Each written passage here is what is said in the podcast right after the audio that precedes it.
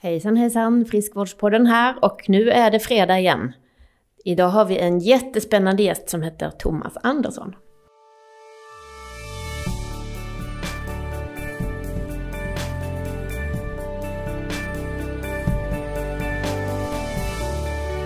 Först och främst, hej Anna.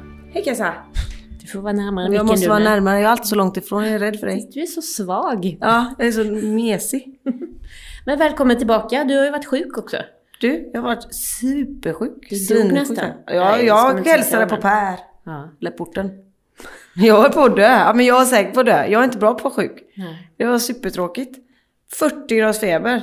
Det är inte vanligt Och så ont i huvudet så jag kunde inte ens titta i min telefon. Du hade en liten digital detox då helt enkelt. Ja, jag sov mest. Härligt. Men nu är jag pigg. Ja, ja, men det är bra. Välkommen till livet. Tack. Mm. Men du, ska vi eh, Ja. snacka med Thomas Ja, lite? det ska Han vi. kanske känns lite utanför här nu. Okej då. Ja. Mm. Ja, men varmt välkommen hit Thomas. Tack så mycket. Du är alltså den sårbara mannen, eller den nakna ingenjören som du, det var ju liksom, sålde in en föreläsning med den nakna ingenjören, tänkte jag att för ett par veckor sedan var jag på en föreläsning som heter Hångla mer, så jag tänkte, ja men en naken ingenjör, det, det slår vi till på. Mm, det kanske är något du behöver Kajsa. Det där med under filten-tänket. Det är, det är något freudianskt, jag vet inte. Nej men välkommen hit, vem är du? Ja, vem är jag? Ja, jag är ju den nakna ingenjören då. Eh, nej, jag är författare till boken Sårbar man, Vägen till inre styrka. Och eh, nu precis då kör igång med nya föreläsningar. Den är en naken ingenjör. Mm. Och jag är ju då en ingenjör i grunden då. Därav Är du namnet. naken då? Eh, ja, man skulle kunna tro det, men eh, det är ju kanske mer det personliga som är eh, grejen. Eh, det kanske var tydligt där att jag inte går runt naken, utan det är själva. Det är Han ja, äh, naken-Janne som var med i Farmen? Det. Eller vad var det för han var med? Robinson? Nej. Nej, det var något sånt här knasigt program. Ja. Ja, skitsamma. Ja. Ja. Nej, men det var en väldigt bra föreläsning tycker jag. Väldigt välbesökt. Den var ju fullsatt. Mm. Det är ju inte vanligt att det blir så fullsatt på en frukostföreläsning, tror jag faktiskt. Nej, det känns... eh, Det var faktiskt... Det var fullbokat ganska direkt faktiskt. Mm. Och det kändes som att det var verkligen efterlängtat på något sätt. Vikt- Viktig, viktiga samtal tror jag att eh, så många längtar efter. Mm. Men vi har ju pratat lite innan, men hur var det då? Du gick in i väggen, typ. Typisch. Ja, nej Ja. men precis. För fyra år sedan så var det... Ja, det var det för mycket helt enkelt med... Jag satsade på karriären. Det var, jag var managementkonsult och hade stort eh, sälj och kundansvar. Eh, också ute och konsultade en hel del. Mycket, mycket olika kunder. Ville såklart väldigt mycket. Eh, fixade mycket där. Det var familj, jag hade tre bonusbarn, det var hund, två katter och massa fixande. Eh, så jag var väl den som fixade för alla andra. Och tyckte att skulle jag göra någonting för mig själv så nej men jag fixar till någon annan. För att jag... Ska jag göra ingenting? Det känns ju onödigt. Mm. Och sen så började den här känslan komma av liksom varför gör jag allting? Liksom. Det kändes bara meningslöst och hopplöst eh, liksom, i, i vad jag gjorde och ska jag ens vara kvar liksom, på den här jorden? Mm. Så jag började känna att nej men det är för mycket nu liksom. Så det var då jag började inse liksom att nej, vänta nu. Så här vill jag inte må. Då började jag ändra mig lite grann. Men var det någon särskild händelse eller så som gjorde att du liksom vaknade ur det där snurren? Eller var det bara att liksom det började bli överfullt liksom? Nej men det, precis, det var ju det var så att jag, skriver, jag har skrivit dagbok i 18 år och det är just det min bok är ju faktiskt tre år av min dagbok just som man ska följa min resa. Så ser jag liksom på något sätt, det var ett återkommande mönster av att, att jag inte riktigt räcker till och att jag inte duger och att jag liksom ofta fastnar i de här mönstren. Speciellt då på hösten var att jag vart liksom låg och trött, att jag kände liksom, vart liksom slut och jag fattade inte riktigt det där. Men den sommaren då för fyra år sedan så läste jag en bok kring eh, schematerapi som handlar liksom lite om kring mönster, hur man, liksom hur man mår. Eh, att, att man kanske skapar saker för sig själv. Inte för att man vill, men att det känns bekvämt för kroppen. Eh, någon tar upp ett exempel i boken om du har alkoholiserade föräldrar eller liksom på något sätt växer upp i någonting som inte är positivt för dig. Eh, men sen kanske du söker det senare i livet bara för att det ändå är bekvämt, bekvämt för du är liksom van att ja men det är så här det ska kännas. Så man liksom ändå stannar i det här destruktiva på något sätt. Eh, så då var det som, att vänta nu, varför, varför, varför mår jag så här? För då hade jag typ kände jag så här, men ska jag verkligen vara kvar på det här jobbet? Nu vill de ju inte ha mig längre. Det var min- känsla av att nej men egentligen vill de nog inte ha mig här. Det var min grundkänsla att jag behövs inte. Och då insåg jag att men vänta, det var ju samma sak på mitt första företag. Att jag lämnade lite med känslan av att ja men de vill nog inte riktigt ha mig här. De tycker om det jag gör men inte den jag är. Och då började jag, men vänta nu, vad händer här då? Och sen träffade jag några vänner den sommaren. eh, Ett, ett lärarpar från Spanien som jag dansade, dansade mycket då, dansade lindy hop. Eh, nu springer jag iväg mycket tankar här men ni får stoppa mig om jag pratar för mycket. Nej men eh, eh, umgicks väldigt mycket med det här lärarparet. Eh, och då var jag liksom ganska soft och var den jag var liksom. Och så tänkte jag, att, varför vill de hänga med mig? Liksom, jag är ju så här. Görtråkig. Görtråkigt tyckte jag. Nej men liksom, jag var ganska avslappnad och var i mig Ja. själv och sådär. Och när vi skulle sticka då sa den här tjejen då i det här paret att men Thomas, you're a good person. Och det var som att, men vänta nu, de tycker om mig och de är ju jättehärliga människor. Så det var som att då var det som en liten ringklocka liksom, att det började liksom, vänta nu, det är någonting här som jag behöver ändra. Kan man säga. Så det var liksom en liten signal och sen började jag göra massa olika ändringar då. Mm. Och då skilde du dig? Eh, nej, det kom, det kom senare. Det kom senare, ja. Nej, men då var det som att jag såg de här mönstren och så, så så tänkte jag lite grann att men vänta nu, jag måste ju stanna upp lite på jobbet. Så jag pratade med en vän mm, på ett eh, yogapass och så sa jag att fan, det är så mycket på jobbet, jag hinner liksom inte riktigt med. Och hon sa, ja men du måste börja säga nej. Och jag liksom, vadå, hur ska jag göra det då? Liksom, men, säg att du har, jag vill göra de här tre sakerna, jag vill göra dem bra och sen så kan du inte göra något mer. Och jag bara, ha, kan man göra så? alltså börja alltså, uttrycka vad jag behöver grann och börja stoppa. För det var lätt att jag ville ju mycket och ville satsa i karriären och kom en fråga från en chef eller någon säljare. Tar du det Thomas? Absolut. Det fixar jag. Det fixar jag. Mm. Och sen hade jag ju egentligen saker som jag visste att jag borde göra men, ja, men det löser jag ändå liksom. Så bara la jag på mer och mer. Så då började jag stoppa lite grann där. Men hade du kunnat, tror du att du hade kunnat få hjälp eh, av eh, din chef om du hade bett om hjälp? Eller finns det något nätverk, eller, eller inte nätverket, vad heter det? Uppsamlingsnät? Fisknät? Jo men jag, jag tror, alltså jag, jag fattar ju inte själv egentligen. Jag insåg ju först egentligen två år senare att jag liksom var på väg i en utmattning och jag, när jag då läste kring utmattningssyndrom ungefär två år efter så bara shit, här var ju jag. Att jag liksom kände att jag inte hade ork, man kom hem och var lite grinig liksom till familjen. Och du vet vissa små saker var så här jobbiga att göra. Liksom, mm, vi skulle städa och fixa lite på våran altan men det var som att jag orkar aldrig göra det där. Vilket jag typ året därpå gjorde med lätthet. Och då fattade jag att, men vänta, jag var ju där. När man inte orkade saker som annars kom med lätthet liksom. Men det kan ju också hänga med att du då satte dig själv åt sidan var att du själv inte kanske tränar. För då var du, du är kanske inte värd det utan det var bättre att du körde kanske några barn till någon träning. Eller jag, Precis. nu bara jag hittar på. Men det är också det när man börjar ta hand om sig själv så börjar man ju sortera lite bättre i hjärnan och då gör man bättre val. Så det är ju det som är också, ja, att ta hand, alltså vad menar viktigast i ditt liv? Ja men det är ju faktiskt inte din fru, det är ju faktiskt du. Och det är ju väldigt, det jag om någon frågar mig så här, "Ah, Anna vilka fyra viktigaste i ditt liv? Bara, Nolle, Nalle, Viktor, eh, ja men kanske min mamma. Bara, Nej, men jag då? Jag är ju ändå viktigast. Låter ju ego, men så är det. Nej men det var nog det som jag mm, också insåg där liksom, varför har jag de här mönstren? Och då var det som att det var någon som bara vaknade i mig att ja men min kropp måste må bra. Det var som att jag fattade det här med mönster men jag orkar inte ta tag i det heller. Nej. Men då insåg jag, men vänta nu, min kropp måste må bra liksom. Och då vet jag, jag satt i bilen här med en av barnen då, så vet de hade varit på hemkunskap. Du vet, det här ska man äta, det här är bra mellanmål, man ska äta frukt och man ska äta det här och man ska liksom, jag bara fan. Jag går ju och köper typ godis på eftermiddagen för att palla dagen liksom. Och bara inse att jag tar det extra sockret för att orka dagen. Bara, men det här, jag äter ju fel. Mm. Så att då faktiskt bestämde jag mig över en natt att nej men nu, nu är det bra mat som gäller och jag ska börja träna.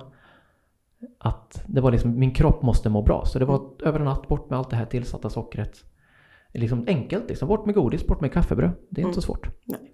Och sen så bara att jag tänkte ju mentalt att jag tränar ju ganska mycket för det har jag alltid gjort. Men det gjorde jag ju kanske mer sporadiskt kanske än vad jag tyckte då. Mm. Så jag sa att nej men nu är det tre gånger i veckan som gäller. Punkt. Så att jag bara kände att nu måste jag återhämta mig. Men tror du att det gäller för alla eller är det något som vissa individer är mer eh, liksom, beroende av än andra?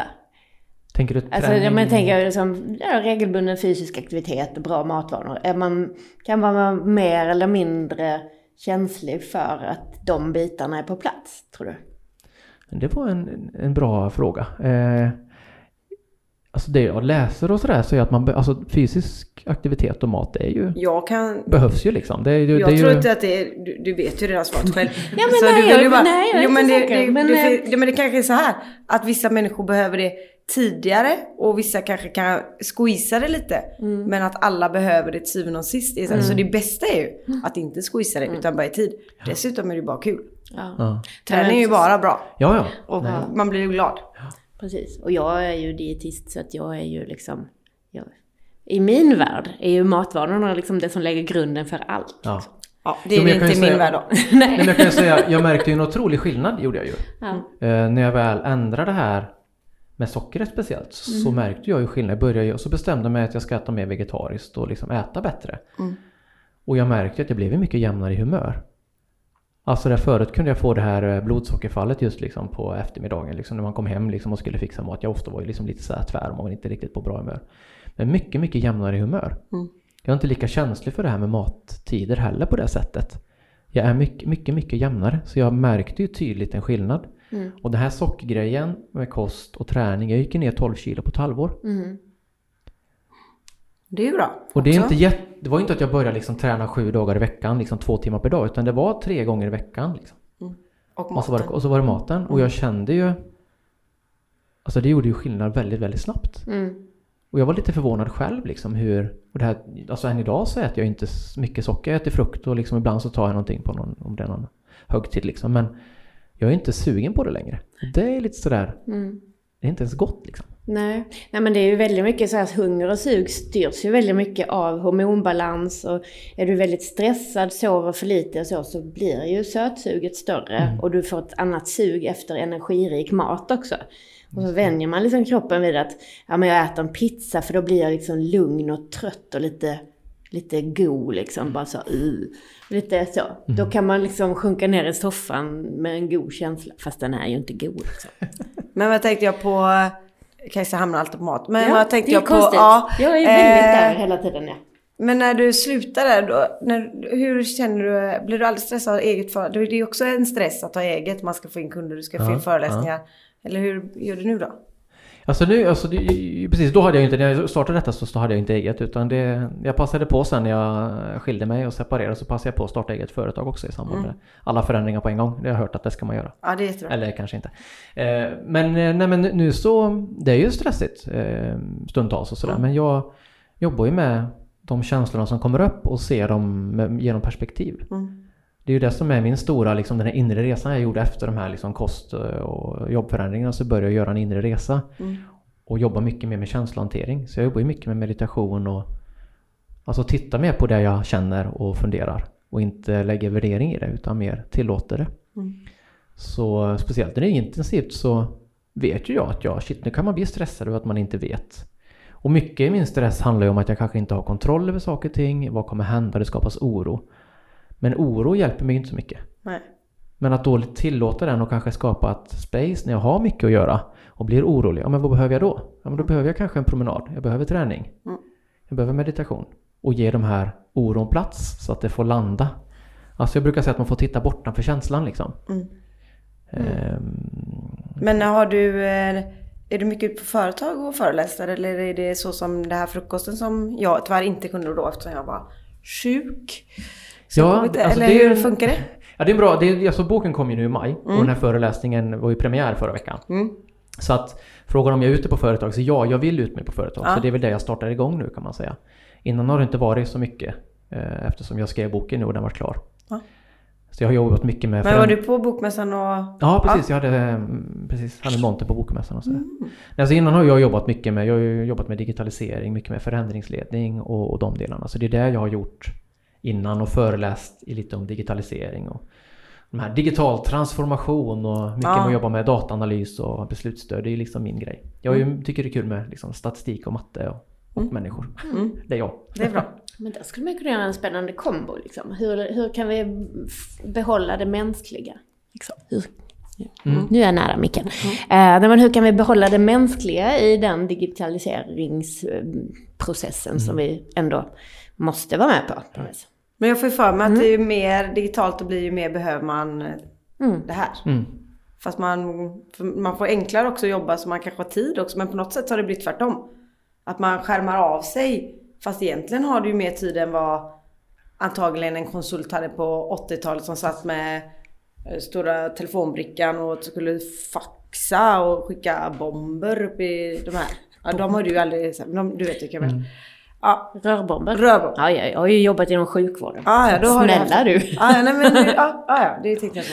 Men jag menar då, så vi har ju egentligen mer tid för varandra fast vi använder den till, inte till varandra utan till eh, kolla på Mm. Instagram.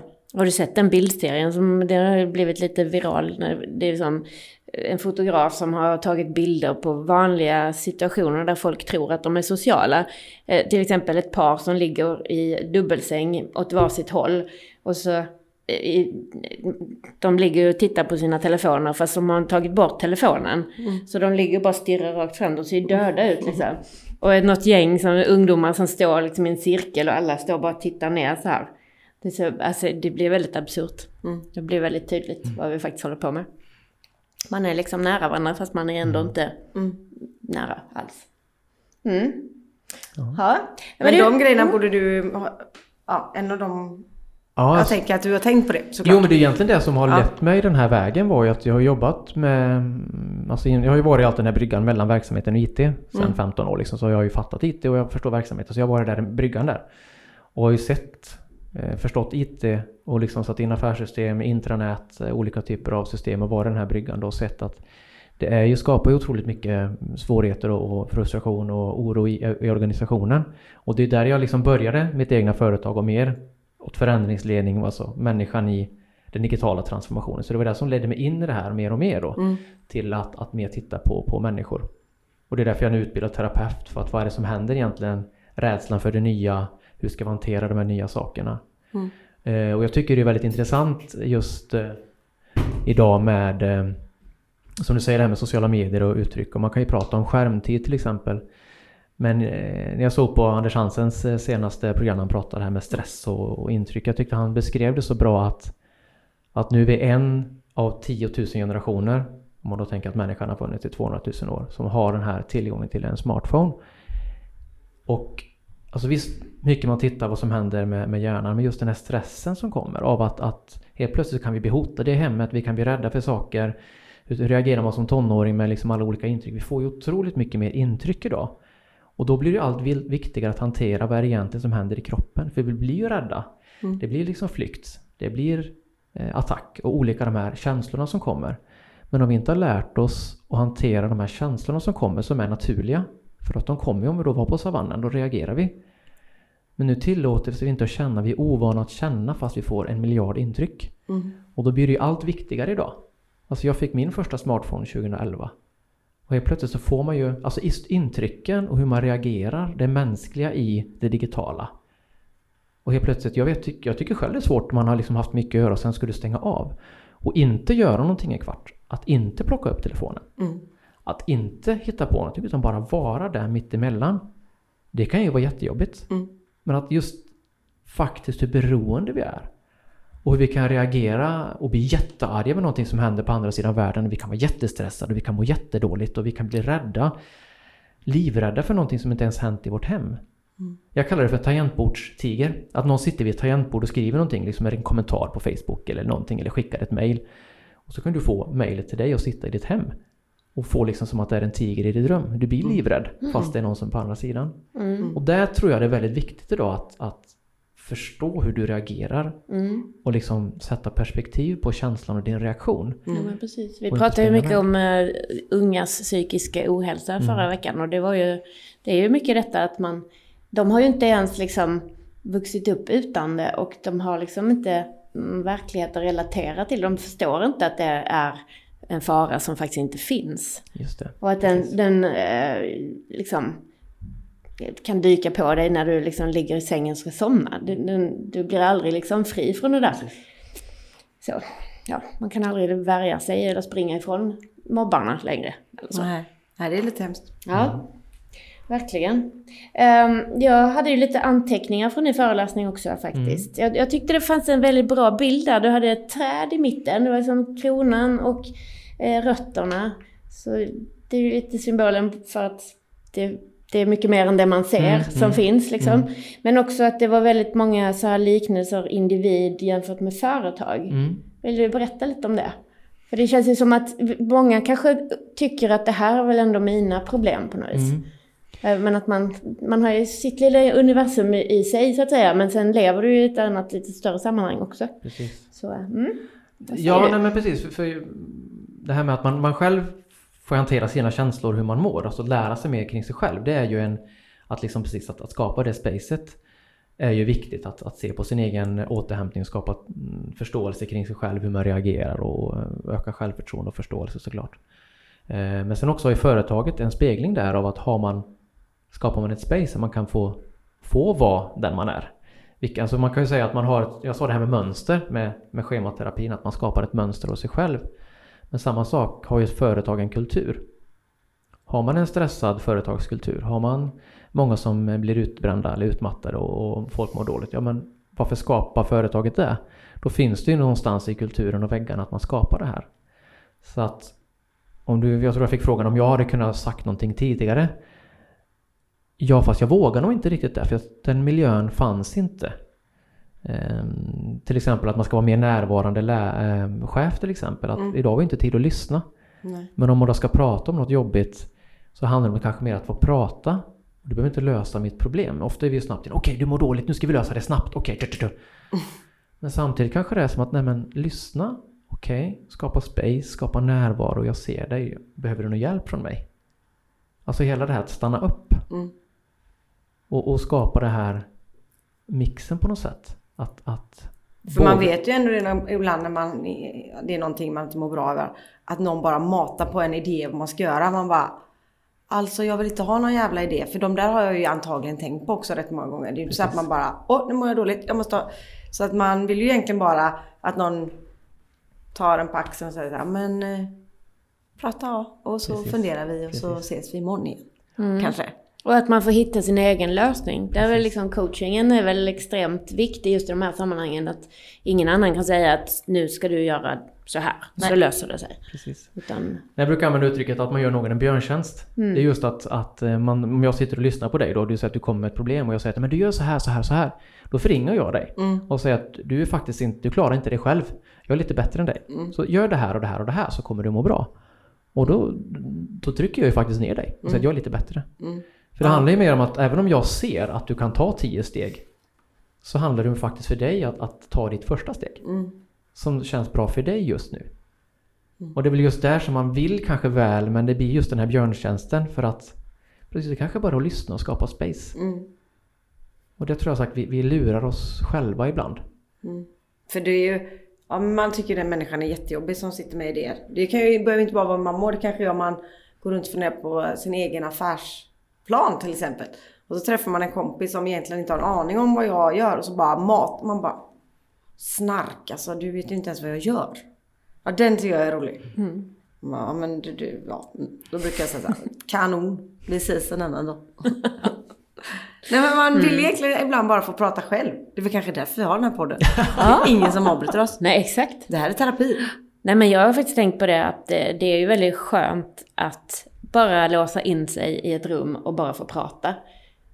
Så det är till ett egen terapi detta. Mm. Nej men också att man inte blir störd av telefonen eller någonting. Utan man bara, så, nu är det vår timme här liksom. Mm. Det är otroligt eh, förmånligt får jag säga. Och så får vi ta hit sådana här spännande gäster också. Mm. Mycket bra. Ja, men, eh, nej men som sagt. Eh, vad är det mer jag tänkte på? Just det. Ja. Det här med att en miljon svenskar tar ångestdämpande mediciner mm. hade du på en bild också. Mm. Ja. Det är otroligt. Mm. Både vad det kostar liksom rent ekonomiskt men sen också vad... Vad gör här... paletterna? Tabletterna? Ja, liksom. kanske det också. Men också att man... Eh, ja, är det så illa? Mår vi så dåligt? Och, och vad liksom... Vad kostar det? Både i energi och tid och mm minskad effektivitet och allting. Ja, men precis, det, nej, men det är ju någonting där som att, att just den här snabba lösningen mm. på något sätt, att man ska ta piller eller någonting. Såklart så kan det vara vid vissa tillfällen att man behöver få skapa utrymmet men också att det har gått ganska långt då. Mm. Om var tionde person i Sverige faktiskt behöver ta ångestdämpande medicin för att må mm. bra. Mm. Och, och den tror jag, nu ska inte jag men det kanske inte ens är bra. Den kanske gör att man mår ännu sämre. Mm. Ja men det, det handlar ju någonstans, jag tror vi pratade också om det här med att tillåta oss att känna att vi, vi glömmer att det är faktiskt okej okay att må dåligt. Mm. Att jag, jag gick igenom en separation där och det var ju Eftersom jag hade lärt mig min känslohantering så såklart Då behöver jag ju sörja, jag behöver gråta, jag behöver vara ledsen och sorgen behöver ta en plats. Mm. Jag, jag, man kan ju välja att fly från den. Men att fly från sin, sina känslor är ju som att försöka fly från sin egen skugga. Mm. Att då skapa space, och hur behöver jag sörja på mitt sätt? Mm. Att också att men man har bra dagar, dåliga dagar, men att, att, att låta det få kännas. Mm. Mm. Att, att jag pratar ju mycket om det här att man tillåter känslor och låter dem passera. Och, och, för det händer ju av en orsak att man får en reaktion till någonting. Och så kanske inte ens är dina känslor utan du kanske känner av andra i ett rum eller någon annan som mår dåligt. Mm. Får vi inte göra det fel utan lär oss mer kring det så behöver vi inte fastna i det. För tillåter du det så kommer det passera liksom. Men det, ja, Mm. det är ju väldigt bra att du är kille och pratar så här. För jag tror att många killar skulle behöva prata med dig. Mm. För om det kommer, nu bara jag som vanligt killgissar. Eh, att när man har fått in en så här före, eller en hälsocoach på ett företag så är det nog ganska ofta det sitter en tjej där. Och jag tror att för en kille tror jag det är väldigt bra att möta en kille. Mm. Eh, för att kunna våga upp, öppna upp sig lite extra kanske, jag vet inte. Mm. För att inte visa sig som en svag liten pojk. Mm. Utan en stor stark man. Mm.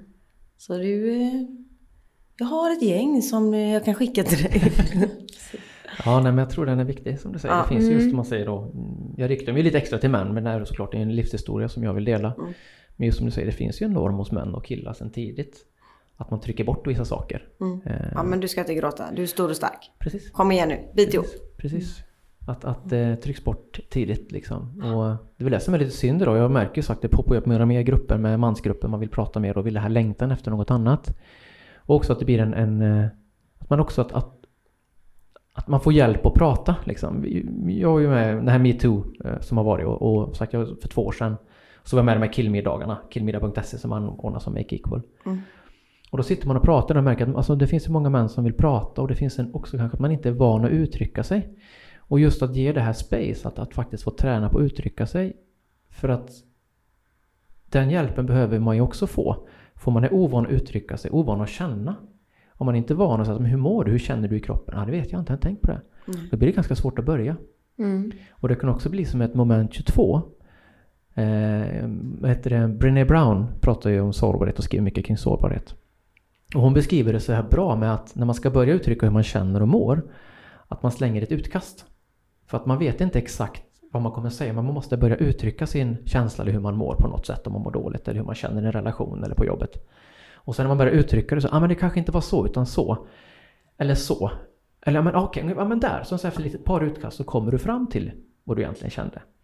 Men om du då kommer i att, ja men jag, jag generaliserar jag också, jag är man och då ska jag ju veta hur jag mår. Jag Mm. måste, när jag säger någonting, då måste jag ju veta vad jag säger. Mm.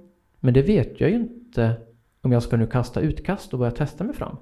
Vilket blir en låsning. Och det blir ett moment 22 av att jag kan inte börja uttrycka mig för jag vet ju inte än. Jag vill ju veta. Och då blir det den här låsningen av det. Mm. Och den dialogen tycker jag är viktig att man måste få börja träna på att känna, ha en trygg miljö där man kan börja uttrycka sig. Och jag vet när jag pratar med, med män speciellt så säger ja då ska vi gå runt och vara känsliga män nu och vara sårbara och känsliga. Ska vi gå runt och gråta nu hela tiden? Nej, det är inte det det handlar om. Utan det handlar om, har du problem i en relation? Har du problem på jobbet? Har du någon som kanske gått bort i familjen? Kan du prata med dina manliga vänner? Mm. Ja, nej, nej. Det är lite där det handlar om att kanske, jag säger att man ska prata om att prata. Hur ska vi prata när jag faktiskt behöver prata om något viktigt för mig? Mm. Och då blir det liksom in i den att faktiskt skapa ett space och tillit till, till sina vänner och kollegor. Mm. Jag tänker också att det känns som att det kommer att bli värre med den generationen som växer upp nu. För där har man ju, om, man, om jag ringde hem till en kompis så var det ju nästan alltid någon vuxen som svarade. Så man var lite tvungen att säga, jag var lite artig så. Nu ringer man direkt till sin kompis. Man pratar aldrig med någon i en annan generation. Och dessutom så pratar man kanske inte heller. Jag gjorde det stora misstaget att jag köpte ett abonnemang till mina barn där det var fria samtal. Det är ingen som använder det liksom. Utan de skriver sms och de använder sina Snapchat och så. Så då blir de ju ännu mindre vana vid att prata. Och det här med att göra ett utkast i Snapchat, det funkar ju inte alls. Det blir total missförstånd liksom. Uh, alltså nej. Så de, de är kanske ännu mer eh, en sårbar grupp för att de inte har någon vana vid att uttrycka sina känslor. Alltså jag tror det är lite, också lite både och där, för jag tror också att barn och unga också faktiskt kan bli bättre på det. Mm. För att det blir lite mer avdramatiserat också. Att, att också, jag tror man får in det till viss del i skolan, så ibland så kan det kanske till och med vara småbarnsföräldrar eller liksom kanske, så, så det kan nog vara en mix där tror jag. Mm. Eh, och I alla fall jag ser på mina bonusbarn, de är duktiga på det liksom. Men det, det såklart finns ju olikheter. Det var skönt Men att att höra. det finns, eh, det Men jag finns nog tycker nog och också jag. att mina är ganska bra på det. Mm. Jag tror det är lite också hur man är hemma kanske. Mm. Och sen är min mamma, hon ringer ju fortfarande mina barn hela tiden så de måste ju prata med en äldre generation. Bra. Ja. Men jag tror bara, jag- nu ringer hon igen. Och du måste ta det för annars kommer hon ringa på min telefon. Står de där och diskuterar. Ja, men gud vad bra. Ja. Nej men ändå, så, så, ändå dialogen är viktig, att man Ja. öppnar. För jag tror just tidigt som vi sa, alltså tiden för samtalet. Att, eh, att det behöver mer plats tror jag idag. Men jag brukar också säga till Olle då som snart är 17. Var socialt kompetent för då kommer du ligga 100 mil före klungan bakom. Så jobba på det liksom, retorik och prata och fråga. Förstår du inte lärare, fråga, fråga, fråga. För det, då kommer du klara dig. Så det är ju det. Jag tror att de som är mest sociala sen kan bli de som eh, ja, blir lite vinnare. På sitt sätt. Då menar jag inte bästa chefen, men jag i i livet att man vågar prata. Man har ju roligare också. Det är ju lite roligare än att snappa. Absolut. Ja. Ja. Men eh, du, eh, då ska vi få ut det på fler företag. Ja. Till män också. Ja, jag ju precis för företag är det mer att då, då är det det här med att, att um, förebygga utmattning då. Det är ju den som jag delar min egen resa mycket för att eh, bidra och visa hur man kan må så man får en igenkänning så att helt enkelt man börjar prata med både medarbetarna vågar uttrycka sig hur faktiskt mår och kanske se ett mönster. Vänta nu, jag kanske är på väg in någonstans. Så just att man hittar det innan det händer. Mm. Och också då för företaget att se vilken kultur har vi egentligen. Att det är den dialogen jag vill egentligen genom min egen resa då bidra med för att ja, skapa en igenkänning och liksom försöka ligga lite steget före. Så att man inte går lika långt som för mig. Mm. Och det är ju lite så som vi jobbar också. Mm. ja, väldigt bra. Ja, allt hänger ihop. Allt hänger ihop, helt klart. Och sen just det här att man inte behöver liksom låta det gå så långt. För jag tycker det låter så väldigt jobbigt, psykisk ohälsa. Det låter ju så otroligt tungt och att man faktiskt behöver väldigt mycket hjälp då. Men att man kan liksom bromsa det innan det hamnar där. Och se till de här grejerna som man behöver för att må bra. För som sagt, alla behöver väl röra på sig, äta bra, sova bra. Så att man eh, liksom balanserar på Men relationer är tråden. också superviktigt. Att man mår bra på jobbet med sina vänner. För det gör ju också att man vågar öppna sig så man inte jobbar någonstans där man typ känner så här. Ingen tycker om mig. Mm. Den känslan är inte- den har ju alla haft någon gång. Man bara känner så här. Det är verkligen en som ska bort här. Det är jag. ja men den är så jobbig när man bara. Nu. Ja. Men jag tror ju, det är ju det som jag tror, jag tror precis, vi lurar oss själva lite grann. För det var ju den känslan jag gick med väldigt länge. Men det är nog något fel på mig. Det här ska man inte prata om. Det är jag som är fel och det jag känner är något fel. Det är därför jag liksom har en mur då på min bok. Att vi, vi måste sänka murarna. Att, att våga bryta det där. För vi är mer lika än vad vi tror. Ja. Att jag har ju den bilden att vi var och en står bakom varsin mur och så pratar vi liksom. Men, men våran kropp skriker att vi vill prata så mycket mer. Det var ju det som var min stora upplevelse egentligen när jag gick igenom min egen terapi där och var på mycket yogaretreat och vi satt mycket i samtal och pratade och delade. Och det insåg jag, men vänta nu, ni känner ju lika som mig, jag är ju inte konstig.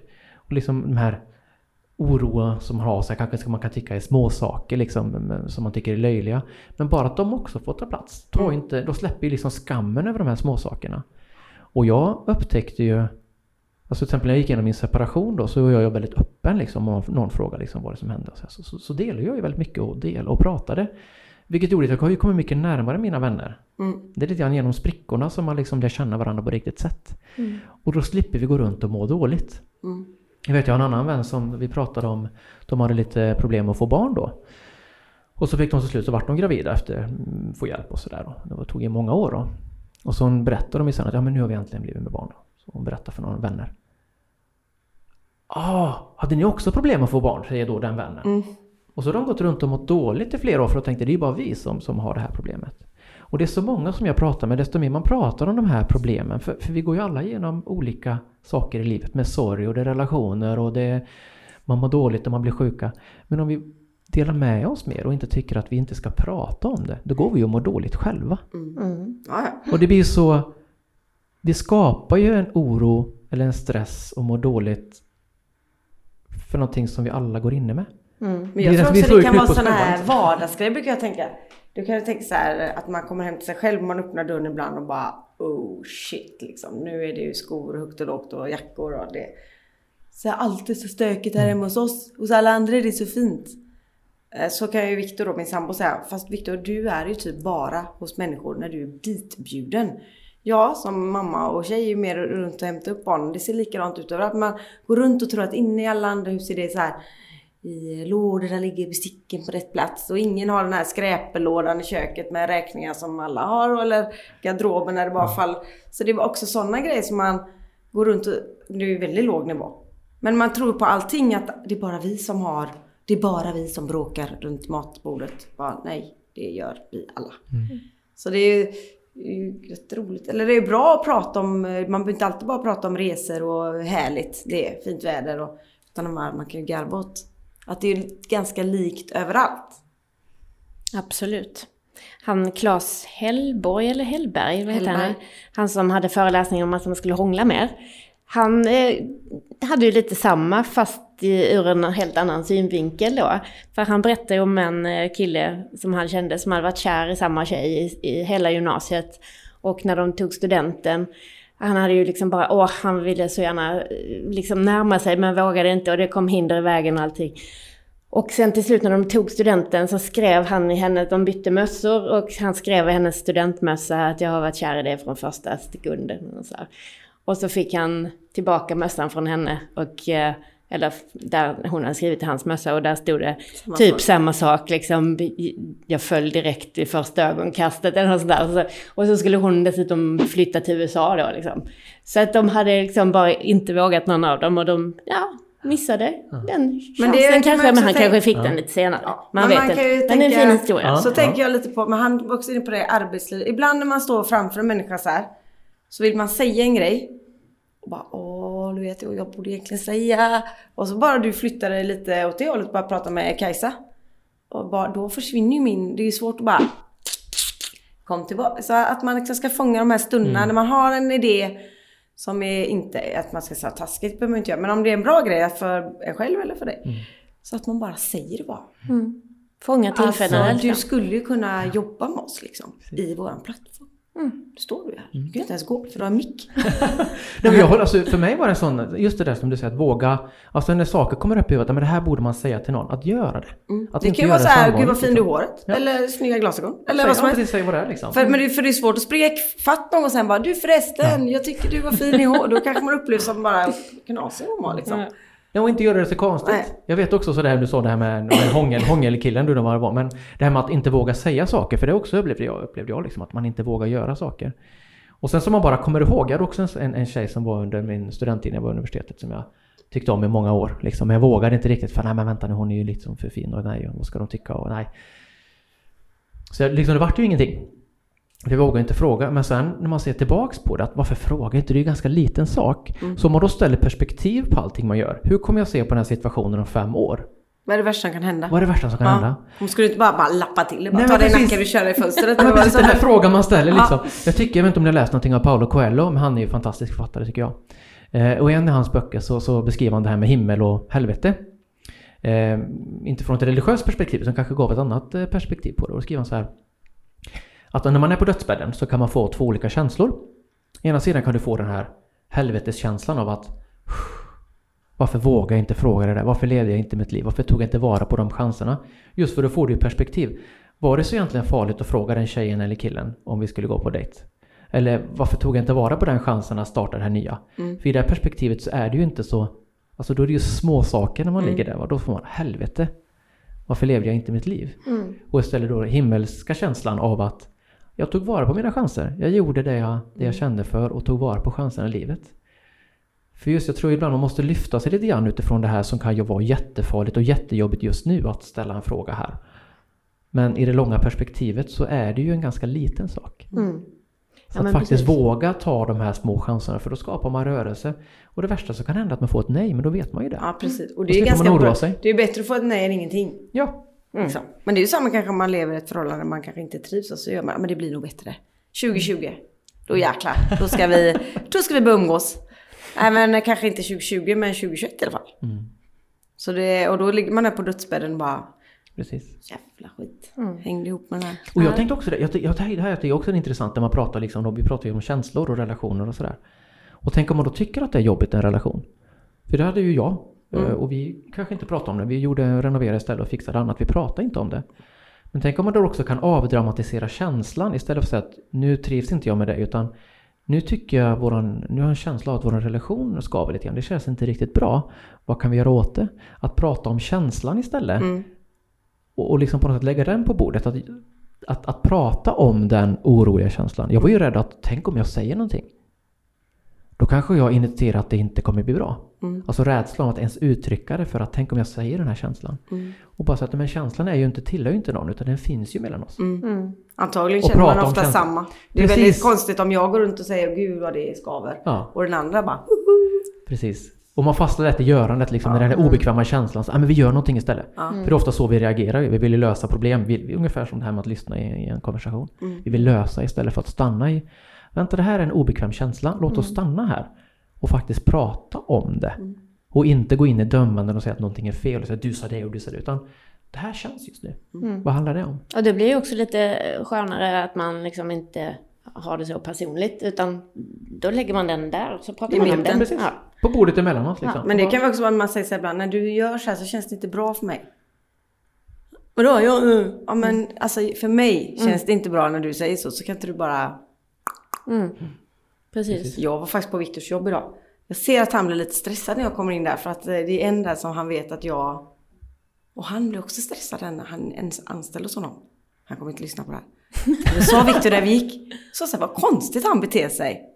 Han verkar skitkonstig han som jobbar hos dig. Han bara, men han gör ju bara det när du kommer. Slängde in en penna på rummet, satt och viftade med fingrarna. Så bara, han är ju jättekonstig. Han bara, men vad är det jag framkallar hos den här människan som gör att han beter sig som en clown? Och Victor, det är ju bara när du, det är ju någonting du gör som han blir så stressad över. Så vår kemi passar ju inte ihop överhuvudtaget. Eller så ser han att jag ser igenom och han... Eh, eh, Ja, nej men det är ju no- men det är också intressant. Mm, jätteintressant. Och Victor står i mitten och bara, vad händer? Vad händer? I mitt, eh, på mitt kontor.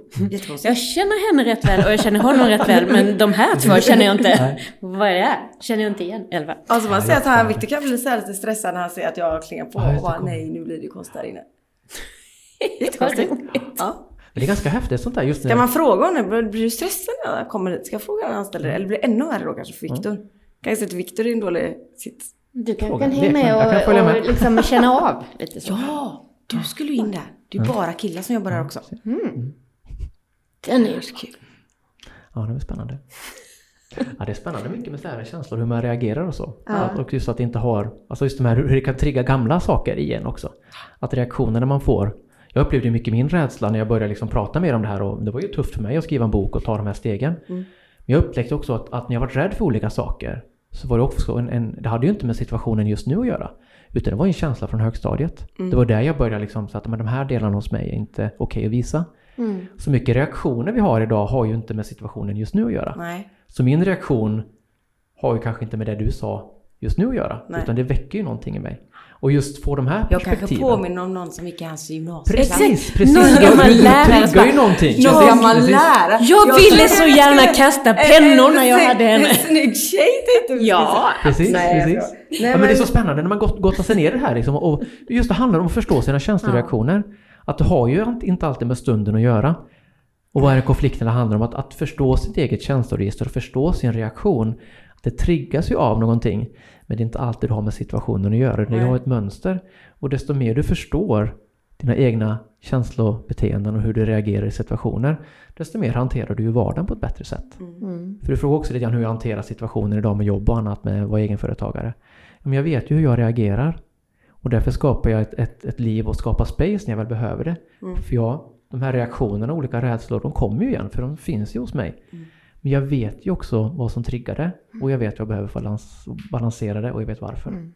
Så just det här För jag tror väldigt mycket på att den här barndoms-tonåringstiden är, väldigt... eh, Ja, kanske inte så mycket i mig, men jag vet en annan som börjar med så. Jag tror att det är väldigt mycket...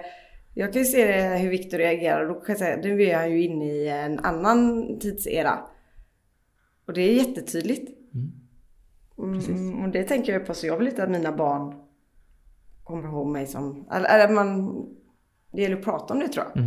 Mm. Eller att de också får prata och vara sig själva och kom igen nu. Berätta varför ni blir arga på mig. De tycker jag är skitjobbig ibland såklart. Mm. Men det är man ju när man är mamma. Men... Eh, Jag har en grej som jag måste ut här nu, känner jag. Mm. Rågbröd. Nej, inte alls. Nej men det känns ju som att eh, ehm, vi är ju ganska liksom, nyfikna och öppna liksom, för dina tankar, upplever jag i alla fall. Men de som behöver det som allra bäst är väl ofta de som slår det ifrån sig. Mm. Så hur ska vi liksom komma fram till dem då? Hur ska vi knacka hål på det skalet? Genom våran digitala plattform och cheferna tar det och då kommer Thomas in och hjälper dem som är låga. För det kommer aldrig, de kommer aldrig komma själva Nej, bara nej. "Tju, Jag Jag tror hörde på på, podd att det var en kille som heter Thomas som pratade känslor. Han skulle jag vilja träffa. Mm. Eller vad, du hörde på eran podd att det var en kille där, jävla flummigt alltså. Ja, precis. Känslor, när man kan snacka båtar, bilar och släpkärror. Det är mycket roligare. Ja, men jag jag just det att man måste börja stanna upp tror jag. Att, man inte har någon snabb lösning. Att, att eh, Man får liksom har- smyga in dig tror jag. Mm. I vissa sammanhang i alla fall. Ja, kanske det. Nej, men jag tror många vill väl, alltså just företag vill ju förebygga utmattning. Det är så jag tänker att man kan få den dialogen. Och just få igenkänning är lite det jag vill nå ut med. Att man, man hör mig då att, att jag har ju gjort mina globala projekt på Volvo. Jag har kört management consulting, jag har kört mycket sälj, jag är entreprenör, jag jobbar hårt och skapar och vill, det vill jag göra. Men samtidigt så är det den här delen hos mig också. Jag har gjort det här också och det, så här kan man också känna. Mm. Att, att skapa det spacet. Men skulle du vilja gå tillbaka och jobba som managementkonsult igen med dina, så som du är nu? Jo men jag gör det idag också. Ja, så, ja. så hjälper jag till med förändringsledning kring eh, digitalisering. Det är en sak jag gör också. Men jag går in med ett annat hjärta idag. Alltså en annan, Men du kanske gör det bättre idag? Ja, jag är mycket mer närvarande. Mm. Och, och ger det mer perspektiv. Förut kanske man ha, hade en oro med mig på något sätt. Liksom. Mm. Men jag tänkte också, du frågade lite vad man skulle kunna göra. Och jag, jag, just om man vill, många vill ju må bättre och man kanske på något sätt inser det här. Så vill man ha en snabb lösning. Men jag tror man just på- måste börja med steg. För som jag tror jag kände att jag sa ju att nu nu måste min kropp må bra. Att faktiskt börja göra ändringar. Så att men det här, jag vill något annat. Och börja göra små ändringar. Det är som att skala en lök. Alltså där jag står idag. Så att det har ju varit delsteg i att må bättre. Först på hösten där så började jag liksom, ja men nu måste jag börja träna mer. Och jag måste börja säga nej på jobbet. Då börjar jag ju få space. Och när jag börjar få space, till exempel när jag var och träna. Då börjar jag ju landa tankar mer och mer.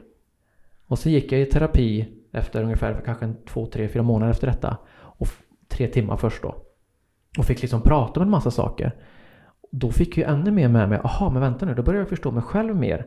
Och så skapar jag ännu mer space för att liksom börja med en återhämtning. Och jag tror just det där med att, att, att det är ju inget, det här, du, det är inget piller. Nej. Utan att stanna upp, skapa ett utrymme. Och det är obekvämt ibland med nya vanor. Eh, Det var som någon eh, sa, du vet när man ska börja lite med mat och sådär. Och, eh, och jag brukar använda uttrycket att jag tänker, ah, men nu får jag inte äta godis, nu får jag inte. Det blir det, men det får jag visst lite, trotsig, lite så här pojk. Men om jag säger att nej, men jag får äta precis hur mycket skräp jag vill. Jag får äta hur mycket socker, jag kan få liksom dricka hur mycket sprit jag vill, jag kan få göra precis vad jag vill. Eller jag får göra precis vad jag kan göra. Men jag vill ju inte. Det blir en helt annan sak att jag får men jag vill inte. Och då blir det att när jag vill ju må bra. Mm. Jag vill ju få en ändring så jag får ju äta men jag vill inte. Och de här delstegen, liksom att, att faktiskt också alla människor har ju styrkan inom sig och har en inre röst och vet vad man behöver göra. Och börja släppa fram den rösten och våga tro på sig själv. För vad är det som gör att man inte lyckas? Ja men vad kommer andra att tycka? Och nu är jag krånglig och vad kommer mina vänner att säga? Och jag har ju misslyckats förut och jag är inte nog bra. Men alla vi människor har ju en styrka inom oss. Mm. Och det är den som det handlar om att hitta och hitta och så funkar för sig. Och det var ju det jag valde mycket att när jag började liksom gick i min terapi för första gången. Att får jag lyssna på min känsla? För jag har ju tänkt att det här är ju fel hos mig. Men desto mer jag lyssnar på vad jag behöver återhämtningsmässigt. Då kan jag tycka att jag har tyckt att men jag är tråkig om jag ska ta en promenad själv. Men det är precis det jag behöver för att må bra. Mm. För man borde ju vara social, man borde vilja vara social och aktiv. Man borde vara med på allting. Jag är med på saker. Men inte på allt när jag, inte när jag känner att jag behöver något annat. Så genom att man mer lyssnar inåt då blir man ju och mår bättre och bättre. Och alla vi har ju det. Mm. Så just att skapa space och börja lyssna inåt och så stegvis hitta vad man behöver Så bra. du tänker att jag kanske skulle lyssna inåt innan jag sa ja till att vara kuppansvarig i fyra helger i rad och göra kaféer. Så imorgon ska jag gå upp sju och göra det. Det kan vara en grej. Man borde en grej. kanske inte sagt ja på det. Mm. Men jag tänker också att det var det du sa alldeles i början här att eh, just att när det kommer liksom ett fjärde uppdrag liksom att nej men jag behöver liksom, tid för att göra de här tre bra. Precis. Då blir det ju en annan respekt både för dig själv och för liksom att chefen vill ju att du ska leverera bra kvalitet. Inte bara en massa mängd. Utan Mm. Precis. alltså det, då blir det ju också på något vis att det här beslutet fattar jag inte bara för mig själv. Utan det är ju faktiskt för att det ska bli en bra helhet. Mm. Det, det tror jag är en smart Ja, men jag tror väg att att det är gå. väldigt få som gör så. För om man, eh, när vi jobbar med en produkt som vi vill ha in på företaget så får vi inte ens svar på mail. Och så frågar man, du jag har mejlat dig. Ja men jag kan inte svara för jag får hundra om dagen och jag har så mycket så jag hinner inte ens svara. Så man bara, Precis. men vad gör du då om du inte svarar på mail? Eller vad jobbar ja. Så alla har ju för mycket, eller väldigt många har ju för mycket på sitt bord. För att man inte sorterar. Mm. Nej men precis, att börja säga nej och man kan ju säga att ett nej öppnar ju för en miljon ja. Mm. Alltså det handlar inte om att jag vill vara jobbig utan det var som min vän sa till mig att men börja säga nej och jag har de här tre projekten som jag hade. Och så kommer den fjärde så att nej, jag kan inte ta på mig just nu för att jag vill leverera med kvalitet. För vad skulle hända om jag tog på mig mer? 4, 5, 6, 7, 8, 9, 10 saker och så blir det inte bra. Och så kommer min chef och frågar du det här vart inte så bra. Nej det vart ju för mycket, jag hade inte riktigt tid. Varför sa du inte det? Mm. Så just att, att, att inte, och, och hjälpa till att prioritera, att inte att vara krånglig eller jäklas liksom, utan nej men nej, nu har inte jag tid. Men skulle vi kunna ta en annan tidpunkt? Mm. Och för personen mitt emot dig är ju inte tankeläsare. Nej. Utan du faktiskt, faktiskt Ja. säger att nej men du, jag har fullt upp de här veckorna nu. Men när, när behöver du det egentligen? Att nejet öppnar ju för en dialog. Mm. Och det är faktiskt upp till en själv att faktiskt sätta sina gränser. Det kan ju inte någon annan göra. Det kan ju vara bra att säga nej också för det här projektet kanske aldrig blir av. Alltså Precis. snabbt att göra det jobbet som, jaha nej den ska inte ens användas den här digitala lösningen. Men det är också väldigt bra det här med att fråga vad är det för tidsramar. Mm. För att det som du tycker är snabbt kanske är två dagar. Det som de tycker är snabbt är två månader. Precis. Så att det, det vet man ju aldrig. Precis. det är jätteviktigt. precis, det är liksom tillbaka lite till kommunikation faktiskt. Att, Mm. att, eh, alltså, också det konflikträdsla nästan kom in lite grann. Att man inte vill vara krånglig utan helt enkelt ta en dialog. Mm. Att man kan liksom diskutera på lite olika sätt och, och ge perspektiv. Att, att då förstår vi varandra bättre. Istället för att säga ja men det fixar jag, så knyter man handen i fickan. Liksom. Nej det här, och så är man egentligen går man jättesur. Fattar inte de att jag egentligen inte kan? Nej men det kanske de inte fattar om du faktiskt inte uttrycker det. Precis. Så att det är ju just den här mixen av som medarbetare att faktiskt man har ett eget ansvar. Mm. Du är en vuxen människa. Mm. Och behöver uttrycka dina behov. Och det behöver vi träna på. För det kan vi vara ovana med faktiskt att uttrycka vad vi känner. Mm. Och samtidigt har man en organisation då som tillåter det och, och så man inte blir den här sköldpaddan då och snabbt drar in sig i sitt skal utan man har en, en kultur som tillåter att man får testa sig fram och känna och så. Jag har fått jättemånga kloka insikter här idag. Men nu har vi sagt var man får tag i dig. Ja. Ni som lyssnar nu. Ja, man kan hitta mig på min sajt då, thomasandersson.se. Andersson med ett S. Och, Och Thomas med TH, precis. precis. Det tar Mm, vi. man får Thomas hålla Andersson. fingrarna i styr Ja, där. Mm. Ja, det är många som skriver fel när man tar Andersson med dubbel S. Det är ju, jag får skylla mig själv där, men, men eh, Thomas med TH och Andersson med ett S. Mm. Mycket bra. Sen och är- eh, föreläsningen, kommer den att ges på något öppet sätt igen eller är det mest eh, interna grejer som du Vi säger? får se lite hur det formar sig. Jag håller på att Ja. planera lite nu för, eh, för våren. Mm. Eh, nu ska jag på lite mässor nu här i slutet av det här året. Då, men nästa år så under våren så kommer det nog bli lite blandat av öppet och eh, såklart möjlighet för företag att, att eh, Och ta boken hjälp. kan man köpa. Boken finns eh, på Bokus och Adlibris och Mm. även eh, på butiker i Göteborg. Precis. In och köp. He- himla spännande och trevligt att träffa dig. Tack, hur kul att få komma hit. Och en fortsatt eh, härlig fredag. Just det.